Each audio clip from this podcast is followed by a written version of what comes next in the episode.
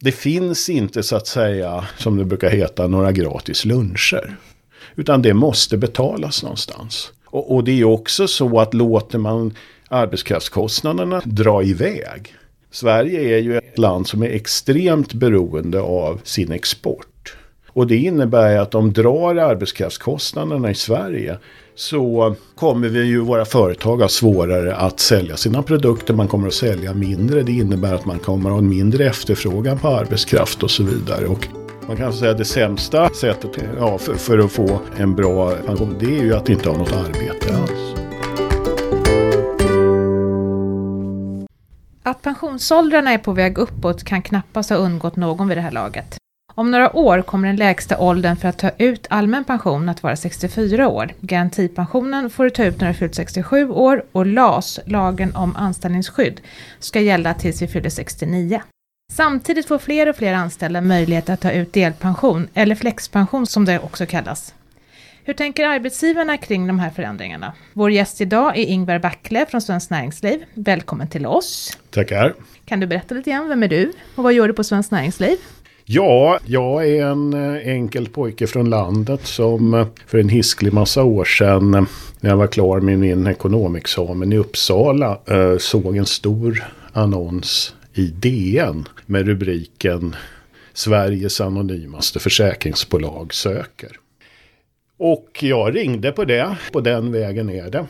Var det Svenskt Näringsliv? Ja, vilket försäkringsbolag var det? Var det SPP? SPP hette ja. de på den Jaha. tiden. Numera heter de Alecta. Mm. Och, eh, men med det sagt så är det väl bara att inse att det här med pensioner är beroendeframkallande. Mm. Så att, mm. Eh, du har hållit på hela livet alltså? Ja. Yrkeslivet? Ja. Ni där ute är varnade. Och nu är du alltså förhandlare eller vad, vad sysslar du med idag? Ja, sen, eh, eh höll jag på att säga, snart 19 år tillbaka så finns jag på Svenskt Näringsliv som förhandlare och pensionsexpert. Och eh, det är ju så att Svenskt Näringsliv är ju en av huvudaktörerna tillsammans med LO respektive PTK när det gäller de centrala tjänstepensionsavtalen. ITP för tjänstemän och avtalspensionsavtal LO för arbetare. Så att eh, jag är med från att förhandla fram nya avtal, vilket vi ju, höll på att säga, tack och lov inte gör så ofta. Det här är ju långsiktiga saker. Men eh, därefter sker ju tolkning och vi, det är ju inte så att ett förhandlingsprotokoll är försäkringsvillkor. Utan mm. Sen är det väldigt mycket tolkning, vi jobbar vidare kring det här. Och sen även som sagt när det kommer upp faktiska fall, alltså enskilda personer, företag och så vidare. Så prövade vi det i olika former av nämnder tillsammans med vår motpart. Så att. Mm. Du jobbar jämt med andra ord? Jag jobbar, det, jag hittar nästan något att göra varje ja, dag. Det är härligt. Ja. Ibland får man anstränga sig. Ja. Men du, hur, hur kommer det sig att pensioner och pensionsåldrar är viktigt för svenskt näringsliv?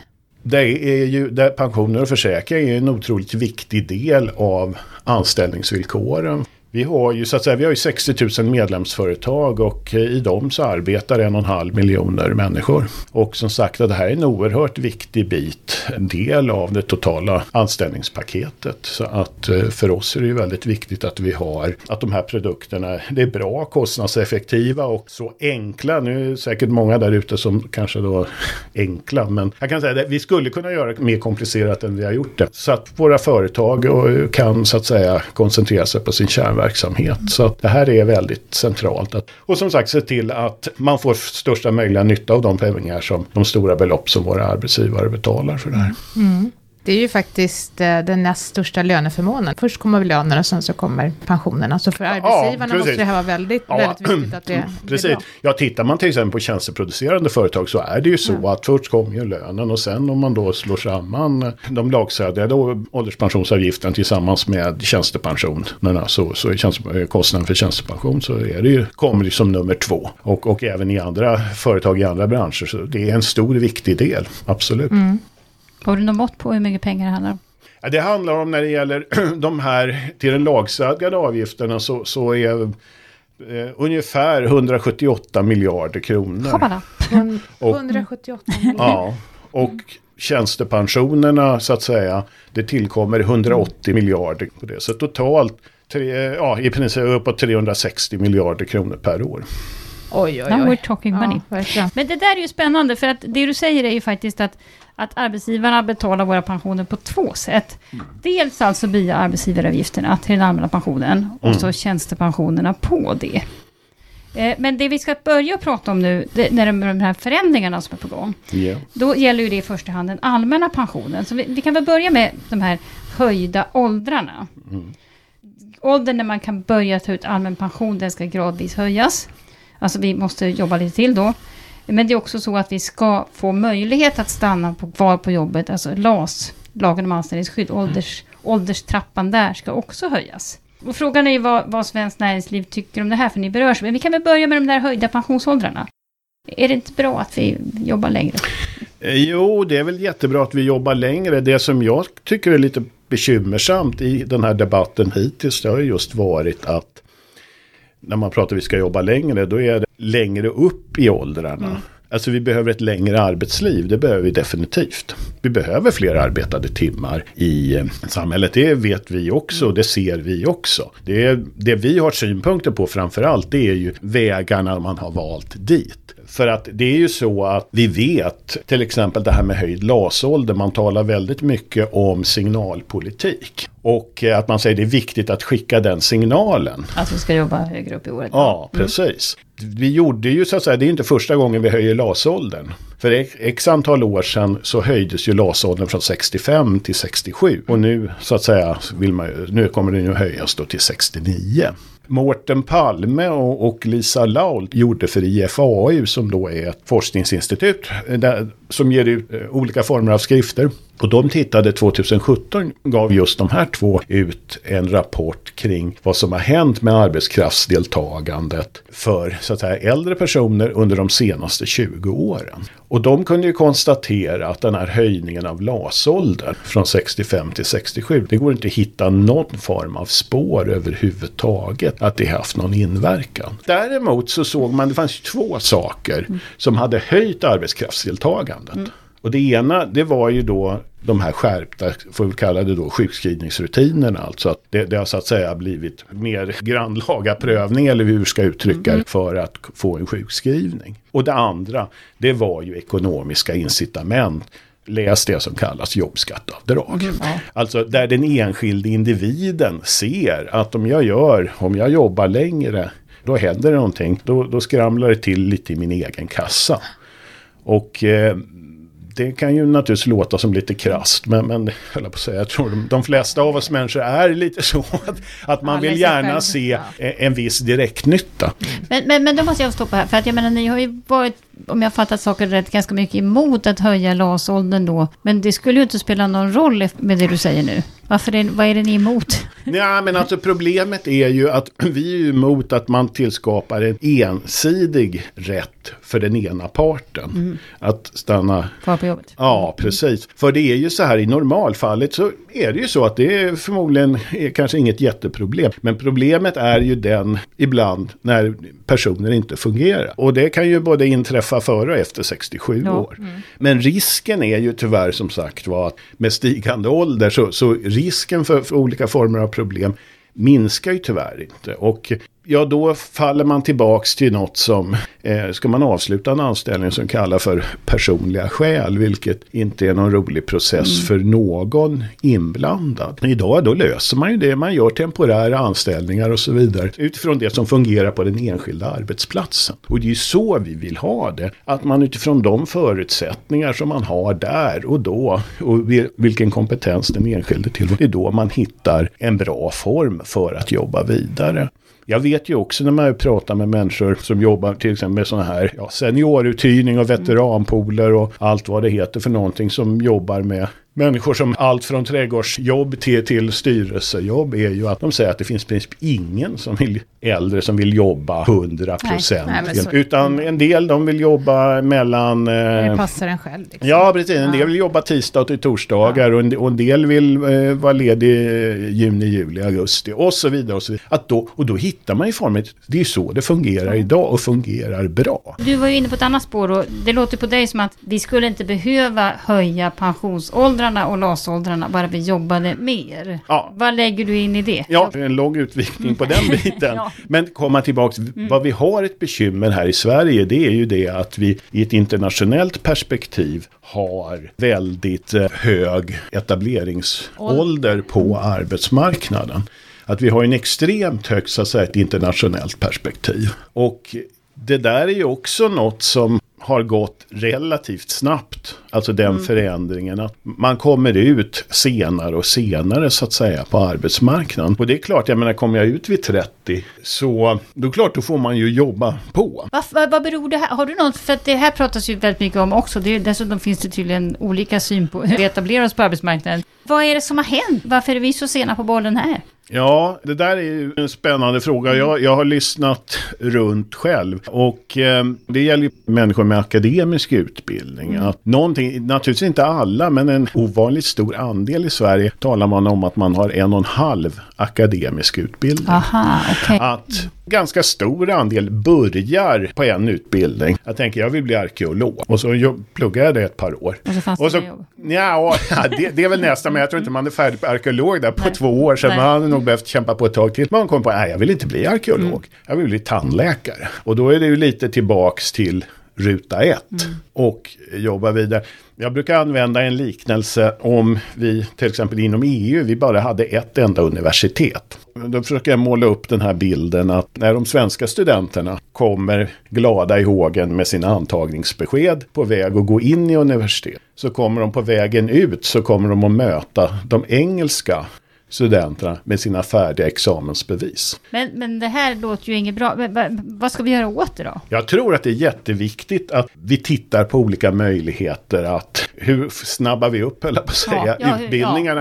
ja, Det handlar väl också många gånger om morötter, hur på något sätt premierar personer som gå- går igenom Mm. lite snabbare. För det är ju så här att eh, det här är ju ett livsval av många som man gör. Mm. Men, men det är ju så att om man drar ut så att säga på sin utbildning innan man är klar och så vidare, innan man etablerar sig ordentligt så att säga på arbetsmarknaden, så får ju det konsekvenser För pensionerna? ja. för pensionerna. Mm, väldigt. Och den enda som kan jobba ihop sin egen pension det är ju faktiskt jag själv. Det är ju så att vi som har förmånen att ha en arbetsförmåga oavsett om den är hel eller delvis så bygger det faktiskt på att vi utnyttjar den så långt som möjligt. Inte bara för vår egen pension men också för jag menar, vi har, vi har ett bra välfärdssystem i Sverige men som också ställer krav på oss alla att bidra vad vi kan. Men som sagt var, om man inte är intresserad av någonting annat så är det i alla fall den egna pensionen. Skulle det räcka med att vi så att säga etablerade oss tidigare på, på arbetsmarknaden? Har vi löst eh, problemet då? Behöver vi inte höja några åldrar då? Alltså till stor del skulle det ju vara så, nu tror jag att man får jobba på flera eh,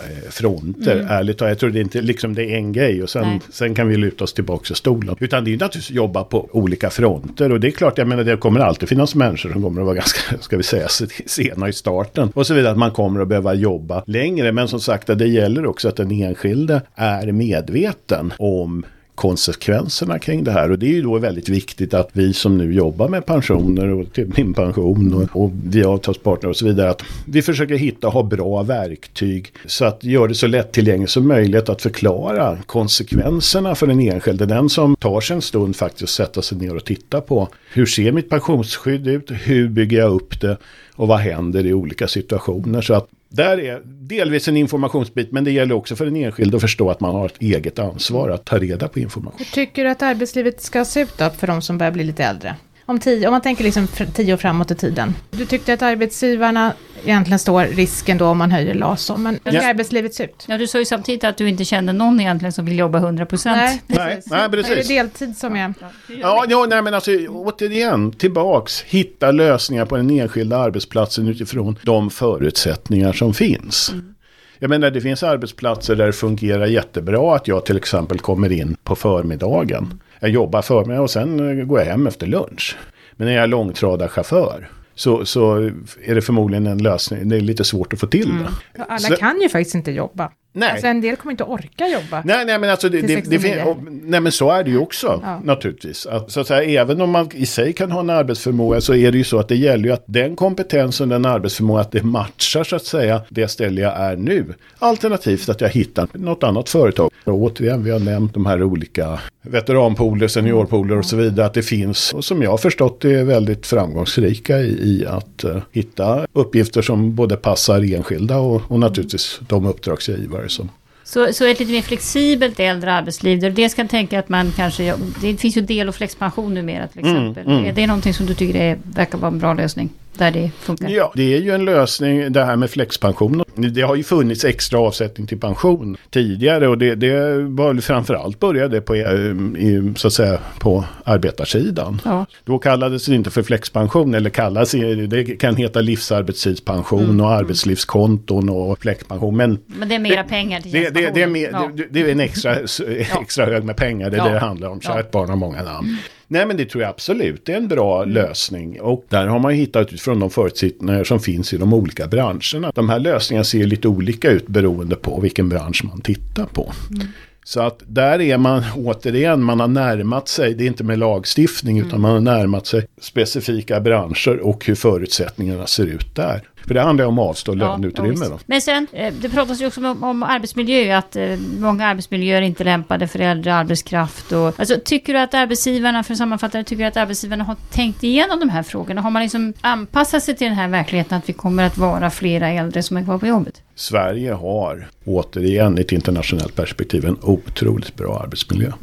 Nej, Jag håller med om när man hör debatten ibland så skulle man ju kunna bli mörkrädd höll jag på att säga. Men alltså gå ut och återigen och titta i ett internationellt perspektiv. Vi har ju jobbat under väldigt många år i Sverige framgångsrikt med de här frågorna. Och, och sen är, ska man ju komma ihåg att mycket av de typ av skador och liknande så, som man tror kan relateras till arbetsliv och så vidare handlar ju ofta om att det var något som man drog på sig i arbetslivet som det såg ut på 70-talet, 80-talet. Jag är ju inte själv som sagt då arbetsmiljöexpert men, men jag har ju diskuterat mycket, jag har kollegor. De, sitter två rum från mig och, så, som verkligen jobbar med de här frågorna. Och sen är det väl alltid så att det kan finnas saker som kan förbättras nog. Men, men den här som lyfts fram att vi skulle ha, det låter som vi skulle ha en väldigt dålig arbetsmiljö i Sverige. Det har vi inte. Tvärtom, vi har en bra arbetsmiljö. Men sen talas det ju också om att 55-plussare känner sig ju som att uh, ingen vill ha dem. Både Mm när de jobbar, alltså lite åldersmobbing, och att det är väldigt svårt att skaffa ett nytt jobb när man har passerat en viss ålder. Vad tror du det här beror på? Det där är jättesvårt för där måste man gå in och titta i varje enskilt fall. Vad beror det på? Fast det verkar ju ganska samstämmigt just det här med ålder. Att Ja, jo, jo, alltså det, ja, det är å- återigen lite vem man eh, pratar med. Vi har ju tillsammans med eh, våra motparter PTK respektive LO så har vi omställningsavtal och där vi då har egna inrättade bolag för att jobba med de här frågorna. Och när det gäller till exempel på tjänstemannasidan så har vi något som heter TRR i Trygghetsrådet. Jag brukar säga det när, när vi får det här på oss att det det är väldigt svårt för någon eh, på 40-plussare att få ett nytt jobb. Tala med TRR, titta på deras siffror. De hittar nya jobb med bättre villkor för folk som har fyllt 64. Så att det, det, det går inte att säga att nej, men det är nattsvart där ute om, om, du- om du har uppnått en viss ålder. Definitivt inte. Det är ju skönt att höra i så fall. Det kan... Det finns eh, hopp för oss som det är en stund sedan vi tog studenten. Så att det, Ja, det är bra. Men du, jag ska byta fokus lite grann också. Eh, Det finns ju andra tankar kring det här med den allmänna pensionen. Då man säger att det är för låg utväxling, man får för lite pension. Det vill säga att avsättningarna till pensionen, till den allmänna pensionen är för låga. De här 18,5 procent som då i själva verket inte är 18,5 procent utan 93 procent av 18,5 procent. Och så vill man ju liksom höja avgiften. Vissa företrädare som vill det. mm, Och den avgiften ska då betalas av arbetsgivarna. mm, ja. Ja, hur tänker du här? Ja, den där har jag hört också. Det är härligt att höra den här typen av argument för då kan man plötsligt tro att det finns, någonstans finns det outsidligt med pengar. Och eh, bara arbetsgivarna, det, ja, ja, men då kan vi lägga på en extra avgift. Vi har inte i Sverige ett problem med att vi har för låga arbetskraftskostnader. Det här är ju någonting som innebär kostnadshöjningar måste ju så att säga tas i så fall av de löneutrymmen som finns vid varje enskilt tillfälle. Och ponera att vi har ett löneutrymme Ja visst, använd, precis som man gjort med flexpension. Visst, man kan ju säga det att ja okej, ja, använda en del av det. Men som sagt det innebär ju minskad konsumtion idag. Man gör ett avstående för en konsumtion idag för att få det imorgon. För återigen är vi tillbaka till vi som jobbar har den här arbetsförmågan och, och utnyttjar den och jobbar. Det är vi själva som måste dra ihop det här. Mm. Det finns inte så att säga, som det brukar heta, några gratis luncher. Utan det måste betalas någonstans. Och, och det är också så att låter man arbetskraftskostnaderna dra iväg. Sverige är ju ett land som är extremt beroende av sin export. Och det innebär att om drar arbetskraftskostnaderna i Sverige så kommer vi ju våra företag ha svårare att sälja sina produkter. Man kommer att sälja mindre. Det innebär att man kommer att ha en mindre efterfrågan på arbetskraft och så vidare. Och man kan säga att det sämsta sättet ja, för, för, att få en bra pension det är ju att inte ha något arbete alls. Så det är jätteviktigt att det hålls på en vettig nivå. Och jag vet att Pensionsmyndigheten själva har gjort en undersökning där man tittade på personer som nu tror jag var uppåt 69 år tror jag. Vad har de för pension i relation till vad man hade för lön när man var 60 respektive 64 år. Och så tittar man på olika scenarier, män respektive kvinnor, låg, medel och höginkomsttagare och så vidare. Och Eh, jag vill minnas, om jag kommer ihåg siffrorna rätt, att den grupp som kom sämst ut, det var låginkomsttagare män. Och där var siffran mm. 79 procent. Och sen, och sen kan man ju då alltid fundera på, ja, vad är vettig nivå i relation till de inkomster man hade strax innan man gick i pension? Det, det är ju naturligtvis det är ett svar som varje enskild så att säga bär på. Va? Men som sagt, om, om sämsta gruppen kommer ut snitt 79 procent, så i mina öron i alla fall låter inte det som en sån här helt dålig siffra. Det och för sig de som har haft delar av sin pension som ATP. Eh, mm. Men, men då.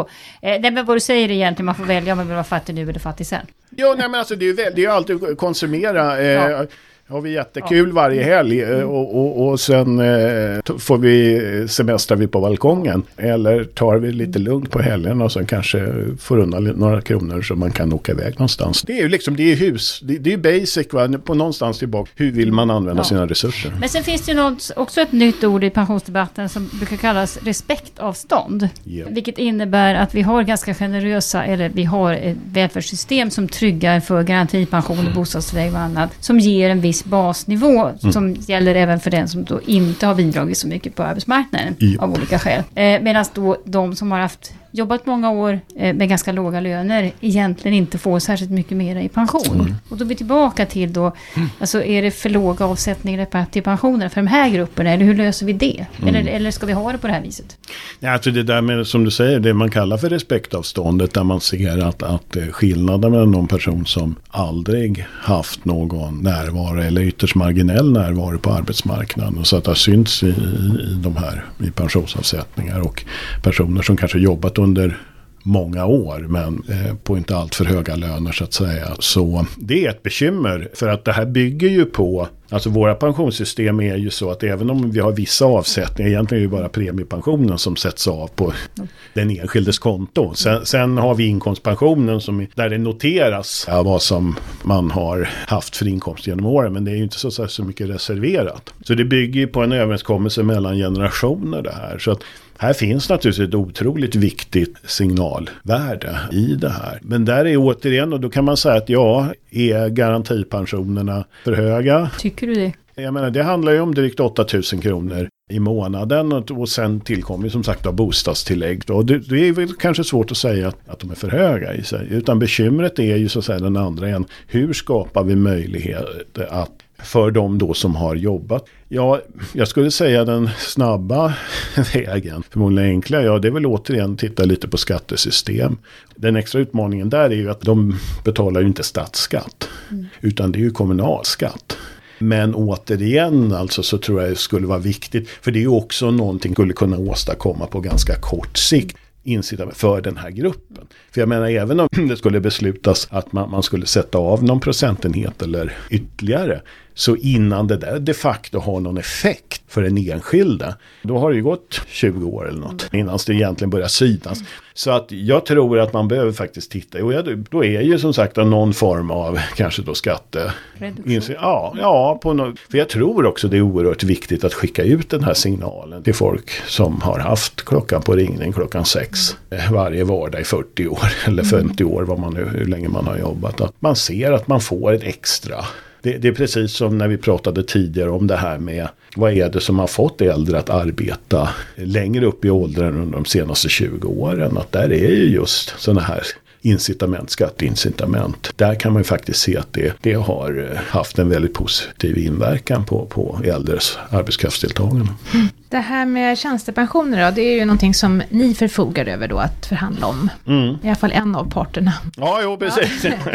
och om man tittar på staten så har väl de, om man jobbar efter 65 idag så får man tjänstepension där. Ja, de har höjt åldrarna. De har höjt åldrarna och jag tror att kommunalt också har gjort det. Mm. Så att egentligen är det SAF, LO och ITP som ligger lite efter här då kan man ju tycka, mm. som bara har inbetalningar till 65 år. Är det någonting ni har funderat på att öka? Ja, alltså problemet som, som vi har, eh, som, eh, som man ju inte så att säga på statlig eller kommunal landstingsnivå eller regionnivå heter det väl mm. numera. Vi kan inte höja skatten. Mm.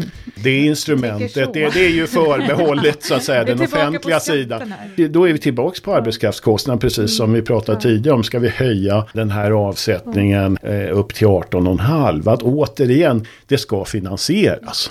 Eh, alltså jag vet att det låter jättetråkigt och, och, att man kommer och berättar sådana saker. Men det är tyvärr så det fungerar. Mm. Det vore ju jättekul om, om det fanns obegränsat med pengar. Så vi kunde köpa allting, ja. finansiera allting och vi, kunde, och vi kan få det nu. Ja. Men, men tyvärr så ser det inte ut. Nej. Utan återigen, är vi tillbaka att vi måste hålla koll på arbetskraftskostnaderna. Mm. Och, och då ska man också komma ihåg att arbetskraftskostnaderna har stigit mer i Sverige än våra internationella konkurrenter under de senaste åren. Så att och det är helt centralt att vi har en, så att säga, håller uppe sysselsättningen. Återigen, jag tjatar mycket om internationella jämförelser, men, men vi har hyfsade system i grunden. Sen kan man ha synpunkter på att, ja, alla kanske tycker det vore, när det gäller en själv i alla fall, att det vore kul om det var några kronor till. Men om vi tar lite helikopterperspektiv mm. på det hela så är det ju faktiskt så att vi har ganska bra system. Pensionssystem. Ja, ja, precis. Mm.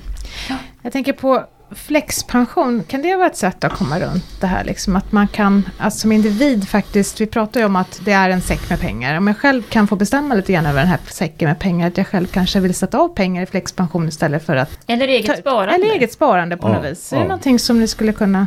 Ja, alltså, men det har ju redan våra, i princip alla våra förbund, ja. arbetsgivarförbund har ju kommit överens med sina motparter. Ja, men man kan ju titta på utifrån de förutsättningar som finns då i de mm. olika branscherna. Mm. För då kan man ju också mm. se att avsättningarna kan se ju lite olika mm. ut och hur det fasas in. Men, mm. men att den optionen finns, att man har möjlighet att sätta av lite extra, eh, absolut. Mm.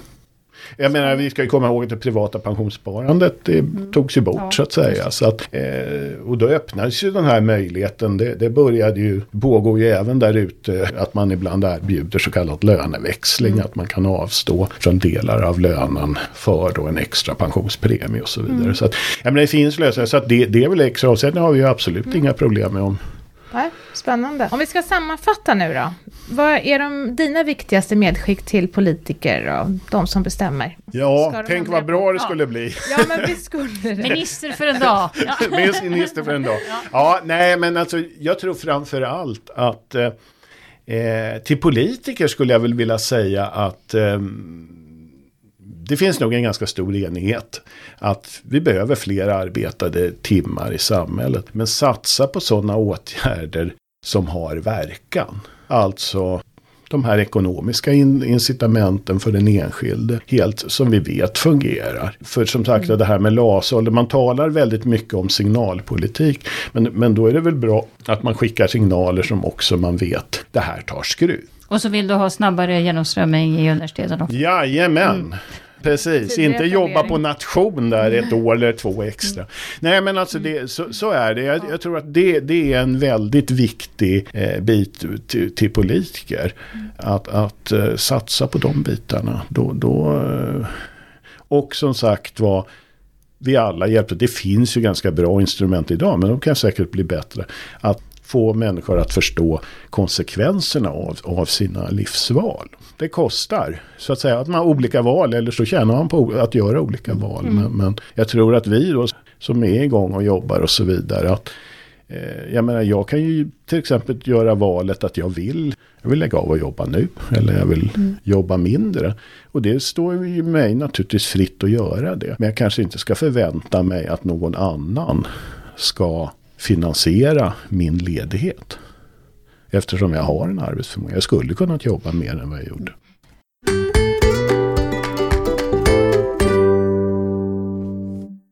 Vi har fått en fråga från en man som efter ett 30-årigt samboförhållande har gift sig. Grattis till honom! Och nu funderar han på hur det påverkar pensionen. Behöver han till exempel dela sin pension med frun om de skiljer sig mm. efter de här 30 mhm. åren? Nu blev det lite Ågren.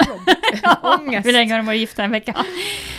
Nej, eh, i Sverige har vi ju faktiskt så att vi betraktar individer som individer på väldigt många sätt, alltså även om man är gifta med varandra. Och pensioner, dina pensioner är dina, skulle jag vilja säga, om du inte själv bestämmer någonting annat. Man kan ju, om man vill, ge bort sin premiepension alltså den allmänna pensionen. Och det gör man då i förväg, alltså på framtida inkomster. Har man varit gift i 30 år så antar jag att man inte är 25 precis. Va? Så att det kanske inte är så aktuellt i det här fallet. Eh, men har man gett bort sin premiepension så får man inte tillbaka den med en skilsmässa, utan den tillfaller då den andra parten. Men annars så är det så att dina pensioner är dina. Man kan vända på det också och säga, finns det fördelar med att vara gift? Och då kan man ju säga att om du gifter dig med någon som har ett avtal som heter ITP2, och den personen dessutom har en lön på drygt 40 000, alltså 7,5 inkomstbasbelopp som det heter på pensionsspråk. Då är det ju väldigt bra för att då får du ta del av någonting som heter familjepension och som då är pengar som kommer att betalas ut till änkan eller änklingen livet ut. Så att här finns det ju fördelar med att vara gift. Men jag ser faktiskt inga tydliga nackdelar med att gifta sig när det gäller pensionen och det är väl tur det. Det var bra.